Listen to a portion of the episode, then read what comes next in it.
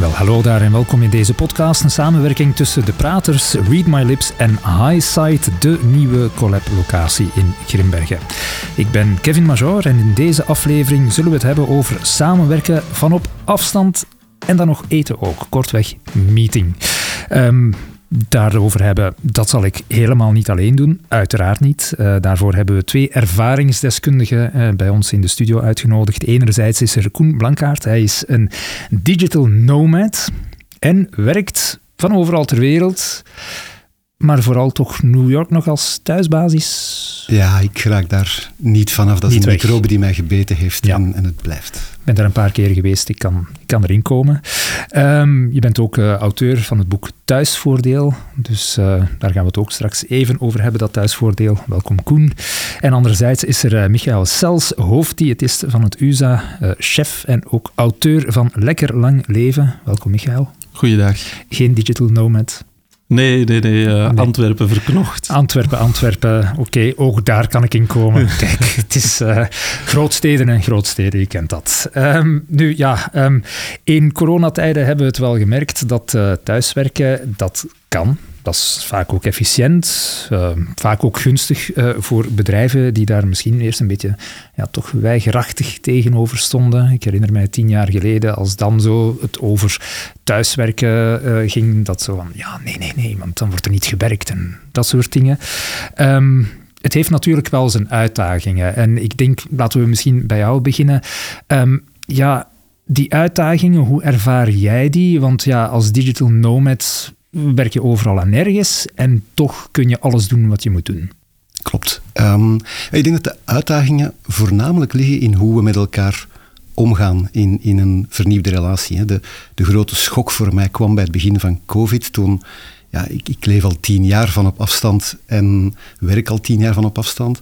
En ineens blijkt dat een ongelooflijk groot probleem te zijn voor zoveel bedrijfsleiders wanneer ze hun, hun beton en hun bakstenen verliezen om nog te kunnen bedrijfsleiden. Uh, dat was voor mij de, de, de grote shock. Um, ik, ik, denk dat de uitdagingen vandaag, en dan spreek ik vooral over kenniswerkers, want, want thuiswerken of remote werken, we mogen die twee ook niet meer door elkaar blijven gebruiken. Maar, maar als we remote aan het werken zijn, voor kenniswerkers is dat eigenlijk een bijna uitgemaakte zaak dat het zou moeten kunnen.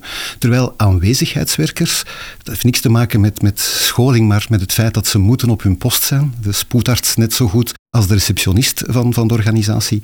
Um, ik denk dat een eerste uitdaging zit in hoe gaan we een vorm van gelijkheid creëren waarbij de, de aanwezigheidsmedewerker enerzijds en, en de kennismedewerker anderzijds in hetzelfde bedrijf zich samen kunnen deel uitmaken van het bedrijf, terwijl de ene wel kan van op overal werken, of hij doet of niet, andere discussie. Um, en aan de andere kant de mensen die zich misschien een beetje gevangen gaan voelen in de beroepskeuze of de job die ze hebben gekregen in de organisatie. Hoe zat het eigenlijk bij jou? Want ja, als hoofddiëtist moet je wel op het werk zijn. Ik denk niet dat dat iets is wat je makkelijk van thuis kunt doen. Nee, inderdaad. Binnen onze sector is dat heel weinig eh, voorgevallen, thuiswerken. We hebben wel een aantal ondersteunende diensten, aankoop, HR, die zijn een stukje thuis kunnen gaan werken, maar eigenlijk ja, alle mensen in een zorgrol hebben dat niet kunnen doen. Ja, we hebben net eh, wel wat andere taken moeten doen natuurlijk, omdat daar ook tijdens heel die periode een onderverdeling was in wat is essentiële zorg, wat is geen essentiële zorg. Dus daar was vooral een uh, van taken, hè, eh, waar mensen ineens uh, toch helemaal ingepakt aan bed moesten komen, die anders dan misschien veel minder deden, waar uh, dermatologen ineens een andere rol kregen, oogartsen ineens een hele andere rol kregen. Maar dat thuiswerken heeft er vooral die profielen niet echt in gezeten. We hebben natuurlijk nu wel gezien dat al die mensen die thuiswerken zich nu wel aanmelden op een raadpleging bijvoorbeeld, hè, de coronakilo's, die diëtisten hebben gemerkt, ja, dat is wel echt een fenomeen dat is echt een, Ja, dat is echt, echt. Dat, dat is gebeurd doordat mensen effectief thuis niet meer hebben verlaten dan zijn die eetgewoonten dan misschien dan toch wat veranderd, waardoor mogelijke problemen zijn ontstaan. Ineens werd die keukentafel alles. Hè. Die keukentafel was je bureau, was ook ineens waar dat je eet met je gezin, waar dat je heel de dag doorbrengt. En die afstand tot je eigen koelkast is nog nooit zo kort geweest als die periode thuis. En ja, daar hadden we geen, geen systeem voor om daarmee om te gaan. Hè. Anders had je uh, netjes een middagpauze waar je naartoe kon gaan. En het bedrijf zorgt voor een uh, personeelskantine waar je uh, heel gezond kan inrichten inrichten, wat je helemaal kan organiseren om je medewerker te nudgen naar die gezondste keuze om prestatieverhogend te werken. Want ook voeding zien we dat heel veel bedrijven nu inschakelen om ja, die, die gezonde omgeving te creëren voor medewerkers. Maar thuis is dat natuurlijk, of was dat nog een individuele verantwoordelijkheid? En ja, dat, dat was een spanningsveld dat mensen nog niet echt hadden meegemaakt. En ja, het constant snakken, het eten aan je bureau uh, was niet meer zo gek als die keukentafel ook ineens je bureau was geworden. Nee, natuurlijk niet. En ja, ik denk mensen die dan thuis zijn, die gaan voor het comfort en dan hoort daar ook comfort food bij. Uh, denken van ja, ik moet hier thuis werken, maar ik mis alle mijn connecties op het werk. Ja, maar een snack af en toe kan dan een beetje de spirits liften, of hoe, hoe je het ook wil noemen. Of de aperitief, hè, de, de digitaal aperitieven samen. Eh, ja, het heeft, het heeft er ook allemaal mee ingezeten. Hè. En ineens ja, begon je ook nog ineens op café te gaan aan die keukentafel van achter je webcam. Ja, en dat zijn dingen die sporen heeft nagelaten, waar we zien dat er toch nog een hele grote groep mensen thuis die ja, moet je het misschien gezonde werkhygiëne noemen, nog niet echt heeft gevonden. En eigenlijk thuis nog niet een systeem heeft van hoe ga ik nu om met pauzes, hoe ga ik nu om met uh, snacks, met afleiding. En denk dat daar nog een hele wereld is te ontdekken en dat werkgevers daar nog kunnen op inzetten, op hoe creëer je nu net die werkomgeving bij je thuis die uh, helpt om functioneel goed te zijn en om, uh, ja, en om je gezondheid alle kansen te geven. Ja, want voor die mensen is het natuurlijk een klein beetje door die coronaperiode um, ja, op hun, in hun nek gekletst, laat maar zeggen. Zij hebben die ervaring daar niet in. Voor jou is het eerder een bewuste keuze, uh, Koen, dat je inderdaad die digital nomad bent en overal kan werken. Maar hoe focus jij je dan op jouw eetgewoonte? Of, of hoe heb je tot, tot goede eet, ben je tot goede eetgewoontes gekomen gedurende de jaren? Is dat een proces geweest of dacht je direct van nee, nee, ik moet dit en dit en dit doen, want anders uh, rollen ze mij hier ook over straat of zo? Nee, ik denk een, een, een goede vraag trouwens. Uh, maar ik ben een beetje voorbestemd daar om ik ben heel lang al met voeding bezig en ik moet ook vechten met mijn kilo's, net zoals, zoals iedereen. Uh, maar ik heb een stukje van mijn leven in de hotelschool doorgebracht, dus ik heb een iets breder gamma om mee aan de slag te gaan wanneer het op koken aankomt. En, ik wil er een beetje aansluiten bij wat je net zei, Michael. Uh, want volgens mij is er nog een factor bij. Dat is in die lockdown was de lol van goed eten shoppen ook voor een stuk weg. En dat was eigenlijk bij mij, als ik in plaats was waar een lockdown was, of waar je dan 22 minuten en 30 seconden in de supermarkt mocht gaan met een net voor u proper gemaakte kar met 17 mondmaskers op, was de goesting om zo het, het betere stukje fruit of de betere groente te gaan zoeken, bij mij dan toch veel sneller weg. Om te zeggen van we trekken de diepvriesrayon niet open of we gaan zelfs naar iets wat kant en klaar is of ja, ja we, gaan, we, gaan iets, we gaan iets laten thuis leveren. Um, als, als nomad komt daar in niet-covid-tijden uiteraard een, aspect lokaal bij. Um, bepaalde landen hebben ook gewoon ongelooflijk leuke eetgewoonten. Uh, als ik in, Zuidoost-Azië rondloop, dan, dan, ik ben een fan van streetfood, um, dan eet je vaker en zit je meer met, met, met die bewuste, uh, sommige mensen zweren bij de zeven eetmomentjes per dag. Ja, ik kan me dat perfect in Thailand of in Cambodja uh, veroorloven van inderdaad kleine stukjes te eten. Als je in België in een restaurant binnenkomt en je vraagt al maar water bij je eten, gooien ze je al buiten. Laat staan dat je een keer een kleine portie zou vragen. Dus dat heeft voor mij ook een stukje mee te maken. En het is niet altijd even eenvoudig. Ik denk dat we niet verder moeten gaan dan in mijn achtertuin in de Verenigde Staten. Uh, tot vandaag, wanneer je New York verlaat en je gaat de Midwest in. Good luck om groenten te vinden. Laat staan bio, laat staan gezond. En als je dan daaruit eten gaat, um, men, men, geeft u eigenlijk twee porties. Uh, in de wetenschap dat je een, een doggybag gaat meenemen, omdat je daar ook, denkt je, voor betaald hebt. Ja. Maar dus men maakt eigenlijk junk in grote porties. En ik heb, een van de dingen die ik mezelf heb moeten leren, is op kleine bordjes eten. Want dat maakt mijn leven zoveel gemakkelijker. Ik heb, een, ik heb een bord dat goed vol ligt met lekkere dingen. En als dat leeg is, dan komt er zo'n pauzemoment. En dan, dan kan ik dan ja, beslissen om al dan niet nog verder te gaan. Terwijl in de VS krijgen dan zo'n bord waar, ja, waar wij met z'n allen hiervan kunnen eten en nog een doggybag meekrijgen. Dus ik denk dat ook wel de, de, lokale kant voor een stuk meespeelt. Ja, het regionale ja. van, van waar je op de planeet ja. bevindt, dat dat heel hard meespeelt. Hoe je die, bijvoorbeeld die lockdown hebt ervaren, maar ook hoe je dat ja, niet vast aan een locatie zitten om te werken uh, kunt ervaren en doen. Um, ja, verschiet je, schrik je daarvan Als je dit nu hoort van, ja, want dit betekent dat er wel wat obstakels zijn die mensen zelfs niet eens in de hand hebben, maar die gewoon in de hand gewerkt worden. Uh, als, als je een hele dag in een koffiebar gaat werken, ja, je zit daar acht uur lang aan een tafeltje in een koffiebar waar uh, de donuts en de cakes uh, ja, het enige aanbod zijn. Ja, je gaat daar niet heel de dag over leven op uh, één cappuccino en een beetje water. Hè. Je gaat nee. daar wat dingen consumeren en ja, dat zijn, dat zijn niet de dingen die je misschien klassiek vroeger op kantoor zou kiezen. En ik denk dat daar eigenlijk nog een hele nieuwe markt zich aan het ontwikkelen is, waar um, ja, die werkgevers moeten dingen aanreiken om je werkomgeving ja, beter in te richten of anders in te richten. Het kan rond voeding gaan, maar gaat ook over op welke stoel zit je thuis te werken of uh, uh, kan je je laptop op de juiste hoogte zetten om geen uh, neklast te hebben. Het zijn mm -hmm. allemaal dingen waar, denk ik, vandaag nog niet echt een antwoord op is gegeven om hybride te werken. want ja, in zo'n koffiebar heb je ook niet de, het beste meubilair om aan te zitten en uh, zonder klachten na drie dagen op een barkruk uh, nog naar huis te kunnen keren. Dus dat denk ik dat um, ja, zich in de komende periode echt wel gaat ontwikkelen en dat daar al een paar start-ups zijn die daarmee bezig zijn om dingen aan te bieden en adviezen in te geven. Rond voeding ja, vinden we daar heel snel aansluiting, want iedereen natuurlijk moet eten. Je kinderen, je partner, uh, iedereen moet daar beslissingen over nemen. Dus daar kan je op die manier al wel connectie met mensen vinden. Maar ook op die andere thema's uh, ja, denk ik dat er nog een hele markt open ligt. Wat, wat daar voor mij een beetje bij komt, is dat het vandaag, en, en klopt, hè, we, gaan, we gaan vaker in de koffieshop gaan werken met de verleidingen. Een stuk van dat probleem ligt ook in, als je vandaag de discussies volgt, het gaat over thuiswerken of op kantoor werken. En de, de derde werkplek, namelijk niet thuis, niet op kantoor, wordt niet benoemd. En inderdaad, daardoor krijg je daar excessieve problemen. Eén, de voeding is niet goed. Al hoe zie ik dat de coworking spaces zeer goed begrepen hebben dat ze met gezonde, biologische, vegan enzovoort voeding Juist, uh, ja. klanten Ja, kunnen, ja. kunnen gaan trekken. Mhm. Um, maar door het feit dat we die derde werkplek niet benoemen, krijgen we ook een hele hoop andere problemen. Want wat, wat je net zegt, uh, Michael, absoluut terecht. Hoe kunnen wij een thuiswerkplek gaan controleren. Want op, op bedrijf, in Belgische bedrijven komt af en toe preventieadviseur eens kijken van staan die schermen op juiste hoogte.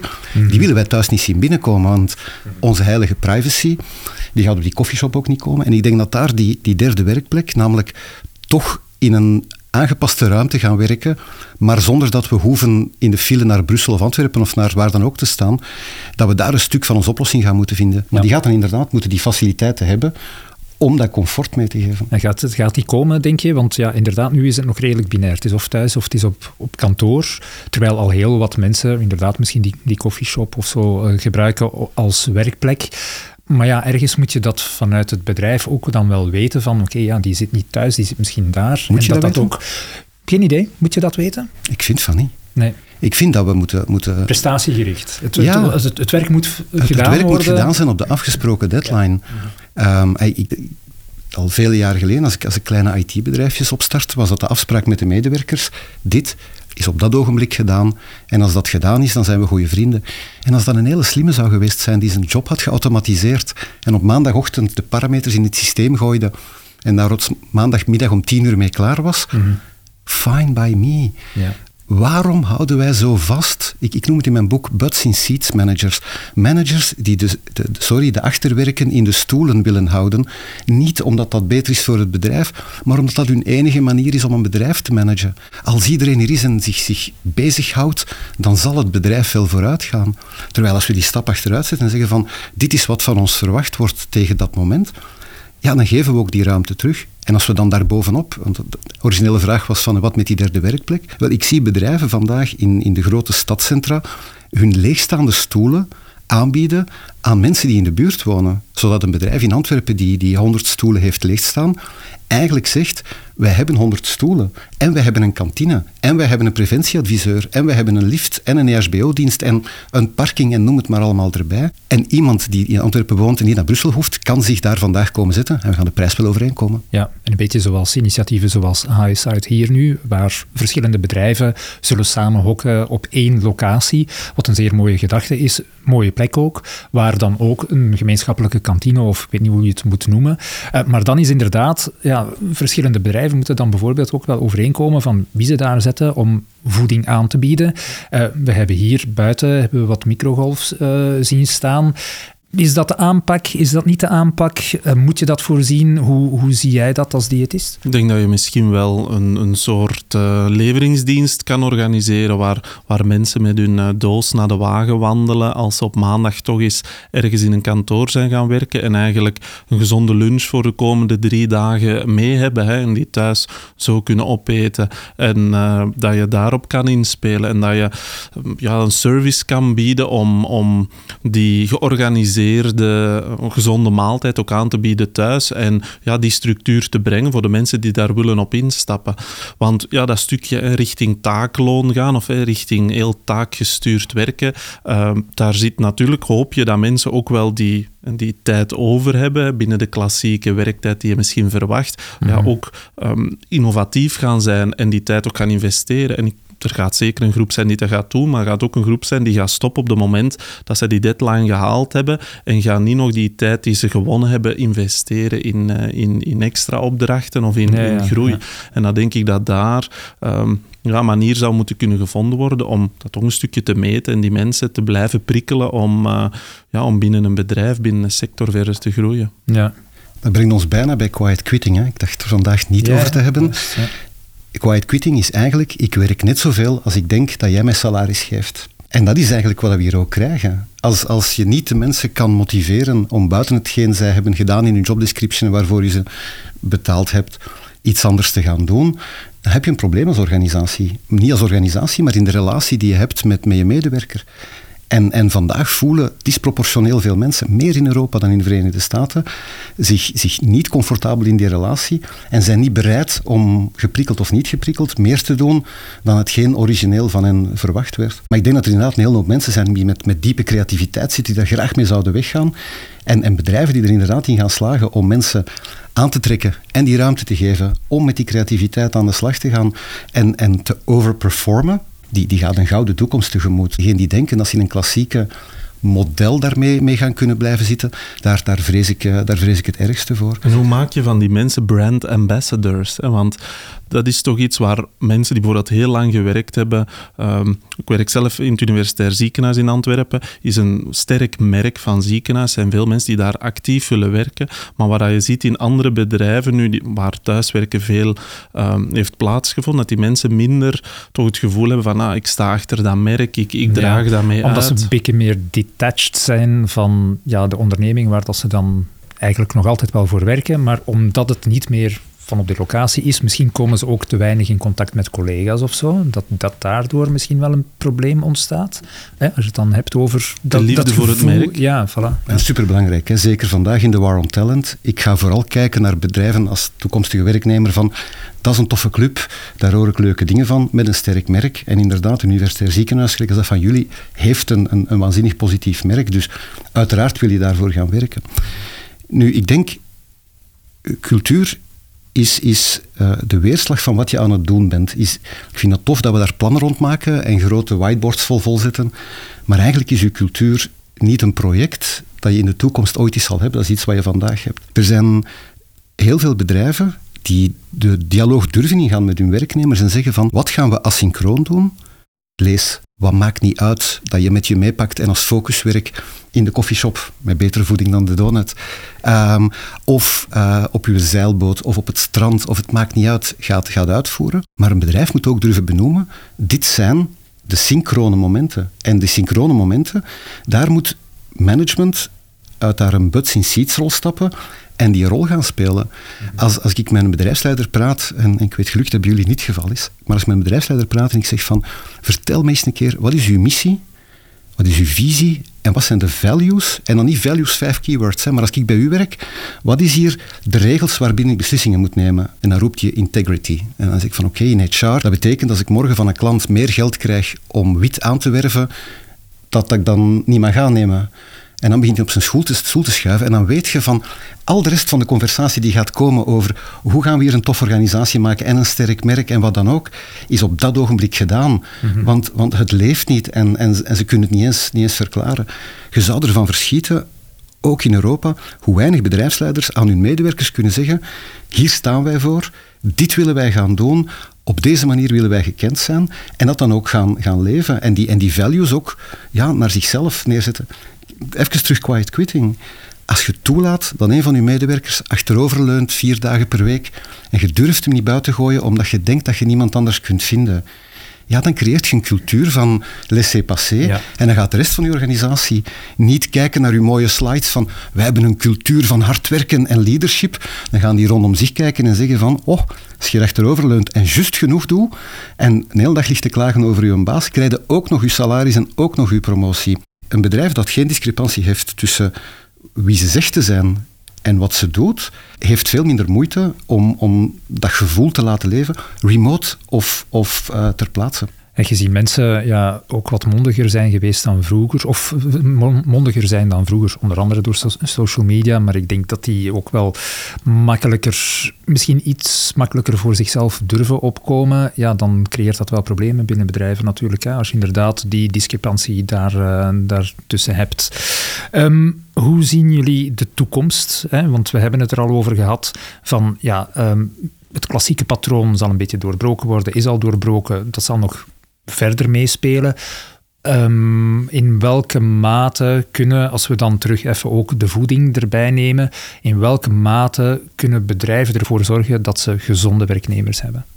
Heel breed, denk ik. Ehm, ja, alle mogelijke, uh, alle mogelijke initiatieven die je neemt op kantoor, ook voor thuis, proberen te faciliteren en te kijken waar technologie kan helpen. Ondertussen is er zoveel technologie die je boodschappen aan huis kan eh, organiseren, waarbij je uh, mensen kan coachen van op afstand, maar ook ja, ruimer kijken dan alleen die medewerker. Want eten is iets, ja, je doet dat niet alleen. Hè. Als je thuis werkt, ja, dan zit je aan die keukentafel waar je partner zit, waar je kinderen huiswerk maken. Dus betrek die mee in dat beleid dat je voert. Je hebt niet alleen die medewerker thuis te, um, te sturen of te omkaderen, ja, ook die andere mensen. En eten is meer dan alleen maar die nutriënten binnen hebben en denken, ah ja, ik ga een doosje vitaminesupplementen opsturen aan al mijn medewerkers. Nee, dat is ook samenkomen, genieten um, en daar ook op inzetten, op die fun factor van eten en op dat sociale. En ja, die dingen connecteren, denk ik dat een, uh, een succes kan vormen voor veel bedrijven om, uh,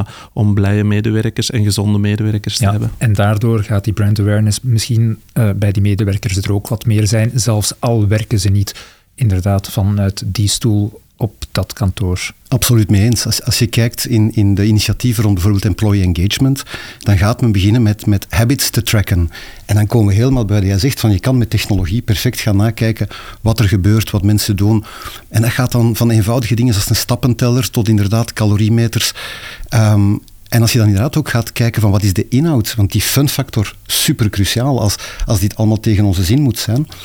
En ik denk dat we naar het geheel ook moeten durven kijken in het besef dat we in het midden van de brug staan. Um, mensen kijken naar mij en naar, naar veel van mijn collega's van, ja, wat is het nu? Wel, en dan zeg ik eigenlijk, ja, hybride werken, dat is gelijk als hybride wagens. Dat is een leugen die de maatschappij heeft aanvaard om van het oude model naar het nieuwe te gaan. Maar we zijn vandaag nog aan het nadenken van, hebben wij laadpalen nodig of gaan we batterijtjes uitwisselen wanneer we naar het zuiden van Frankrijk rijden?